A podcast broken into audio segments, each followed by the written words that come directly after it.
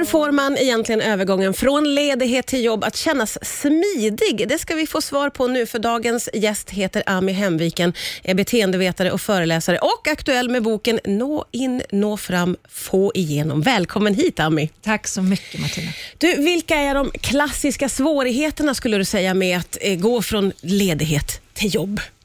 Men det första jag brukar konstatera det är ju att det heter ju att jobba. Man hör ju att det kan ju faktiskt vara lite jobbigt Ja, också. ja, bara ordet. ja, och, och det kan väl vara en sån acceptansfråga, att man får erkänna att ja, det är skillnad på att vara ledig och börja jobba. Så att lite grann acceptans i att det kan kännas lite motigt sådär. Ja, just det. Men det som ofta driver den här lite jobbångesten, det är oro och den här upplevelsen av icke-kontroll. Mm.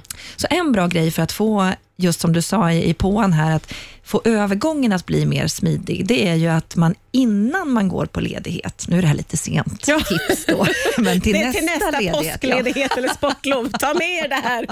Innan du går på ledighet, gör upp en liten plan för uppstarten. Så att du vet att den måndag jag kommer tillbaka, då ska jag börja med att göra A, B och C. Så att du vet, och då kan du liksom vila i att jag vet vad som väntar. För mycket av den här oron bygger på att, oh, shit, vad är det jag har där och vad, vad ska jag ta tag i och ligger jag efter med något och sådär. Mm. Så det är en del. Sen en annan del är ju, och där är vi väldigt olika. Vissa tycker det känns skönt att kolla av mejl då och då eh, och hålla lite koll, för att det, är, det dämpar ångesten mer än att inte veta. Och andra vill helt stänga av. Men stänger man helt av så är det viktigt att ha la- lagt in såna här auto-reply-grejer, så att man vet att folk också blir nådda av det Ja, budskapet. det. Mm.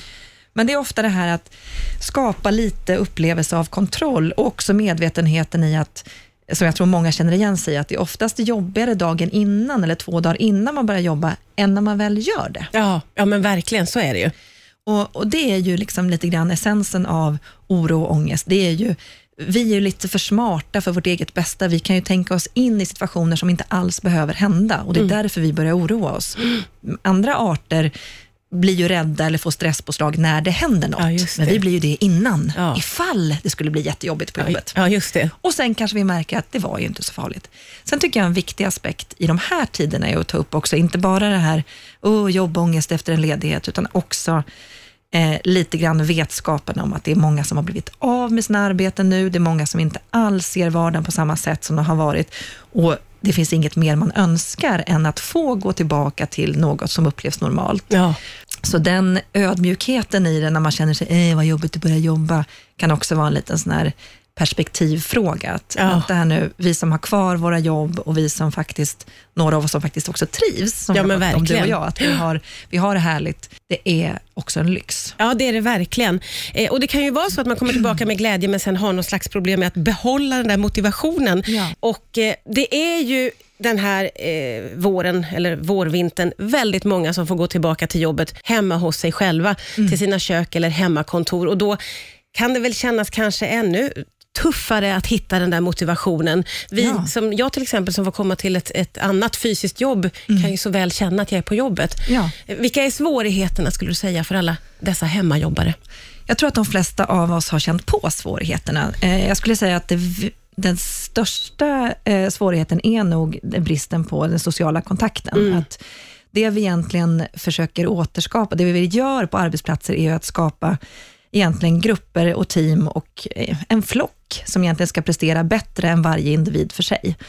Eh, och det är det vi ska försöka fortsätta med fast vi jobbar fysiskt ensamma nu hemma. Eh, risken är att vi tappar varandra alldeles för mycket. Eh, så att det viktiga här är att vi fortsätter att kontakta varandra, fortsätter att ha våra möten och då säger många det är inte lika härligt att ha möten på Teams som live. Nej, det kan man tycka, men det är mycket bättre än ingenting. Ja, och, och viktigt också. Superviktigt. Eh, risken dock är att de enda jag har då Teamsmöten med, eller som jag har kontakt med hemma vid, är de jag jobbar absolut närmast. Vilket gör att vi får inte input utifrån. Och det kan bli ganska så icke-kreativt. Vi behöver ofta den här inputen i olika perspektiv och vi kanske behöver träffa någon från någon annan avdelning och sådär. Ja. Kaffeautomaten för guds skull. Exakt, Ja. och där har man ju sett många företag som har laborerat lite grann med just kaffeautomater. Att man har tagit bort kaffeautomater som har funnits i varje hörn och ersatt med några få Ja. stora och några få stora fikabord. Ja. Just för att få folk att samlas i nya konstellationer, någon från ekonomi, någon från um, sälj och produktion, för att det är där det händer grejer. Mm. Och Det är det man kan missa nu när vi jobbar hemifrån. Och Då vet jag många organisationer har valt att initiera såna här slumpfika, så att man bara slumpar ut att du får fika digitalt med den och du får göra det med den Ja. för att bibehålla det sociala. Sen andra utmaningar är ju det som säkert många av oss har känt, det är ju rutinerna. Att Ja. Du var inne på det här med att behålla motivationen och en del av motivation, det är ju att få möta andra. Att få bli till i mötet med varandra, att det händer någonting där. Men det andra är ju faktiskt så pass trist som det kan låta, som att upprätthålla rutiner. Eh, och jag tror att många av oss i början av hemarbetet tyckte så här, fasen vad lyxigt, nu kan vi sitta och vi kan vi strunta i att duscha och vi kan bli... Mysbyxor i soffan. mysbrallor och vi bara äter hela tiden och, och, och dricker bag-in-box. Ja, det Och vi som stod på fysiska jobbet bara, åh, lycka hos er. alla är fulla igen. Ja. Ehm, men det där tror jag de flesta av oss har känt nu att nej, men det där är inte hållbart. För man får roliga bilder, eller hur? Man sitter bara under och så. Ja. Det är pantless med bag-in-boxen Ja, och man exakt. jobbar. Och man jobbar och tycker livet är gött. Men sen har man fyra barn då hemma också samtidigt och ska försöka balansera det. Nej, men skämt åsido, då, eh, det som kan vara viktigt då tänker jag är att, att vi försöker, för att hålla upp självledarskap har jag pratat länge om och det har väl aldrig varit så viktigt som nu. Vi, eh, på ett sätt kan det vara bra för att våra chefer kan ju inte, än om de skulle vilja, detaljstyra vårt arbete när vi är hemifrån. Och det vet man ju också att detalj, detaljstyrande chefer dödar ju motivation, så det är ju en bra grej. Samtidigt ställer det höga krav på oss själva att kunna leda oss själva. Ja, ja, just det. Och något man har sett som är ganska bra för att bibehålla motivation, eh, det är att man sätter upp små, små korta delmål för sig själv, Ja. så att inte bara dagarna flyter ihop.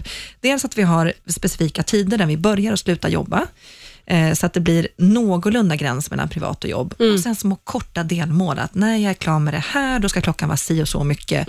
Och då ska jag Då blir ju rutinerna väldigt, väldigt viktiga. Precis. Naturligtvis. Och då kan jag också bocka av. Då ser Ja. jag progress och jag kan bocka av och det flyter just inte det. bara ihop. Det är väldigt, väldigt många som är i den här fortsatt nya situationen Mm. samtidigt som man börjar vänja sig vid den och i det här vänjet Ja. så kanske det finns en fara att man lutar sig tillbaka och tänker, ja det går bra det här, jag behöver väl ingen annan. Exakt. Hur ska man tänka kring det där? Ja, som arbetsgivare är det där jätteläskigt om ens medarbetare börjar glida en ur händerna på det sättet. Därför att vi blir alltid bäst tillsammans. Jag tjatar om det här, men hela min bok handlar ju om att vi är flockdjur, vi blir till i mötet med varandra och vi måste upprätthålla det här viet, för vi vet att där skapas kreativitet och faktiskt tillit och effektivitet.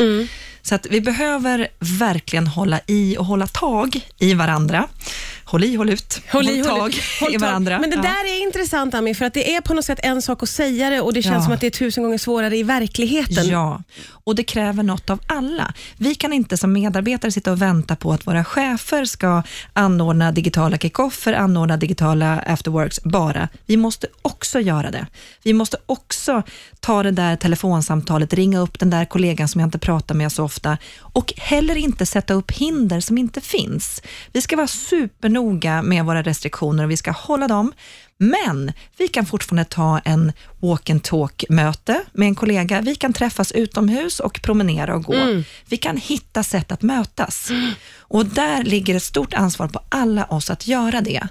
För det är där det händer på riktigt. Och vi som, de som lyckas, de organisationer som lyckas med det, de kommer att ha jättestarkt försprång. För då kommer man ta det bästa från det digitala och hemmavärlden och blanda med en fortsatt stark gemenskap. För att det är klart att vissa uppgifter funkar jättebra att göra hemifrån. Ja, ja, visst. Och vissa möten funkar jättebra att köra digitalt. Mm. Medan andra, du som jobbar med ett kreativt jobb, du vet vikten av att mötas på riktigt fysiskt för att vissa saker ska hända. Mm, ja, men så är det ju verkligen. Och att man får ju väldigt mycket energi bara genom att vara med andra människor. Ja. Man behöver inte ens prata med andra, utan bara att vara bland många ger ju väldigt mycket energi. Och Ja. Det tappar ju väldigt många nu. Och en fin grej kan jag dock tycka, det är att jag har ju föreläst mycket om det här med arbetsglädje och engagemang på jobbet och sådär. Och då får jag höra så många som gnäller och tycker man blir irriterad på Barbro och hon tar för många bananer och han är jobbig kopiatorn.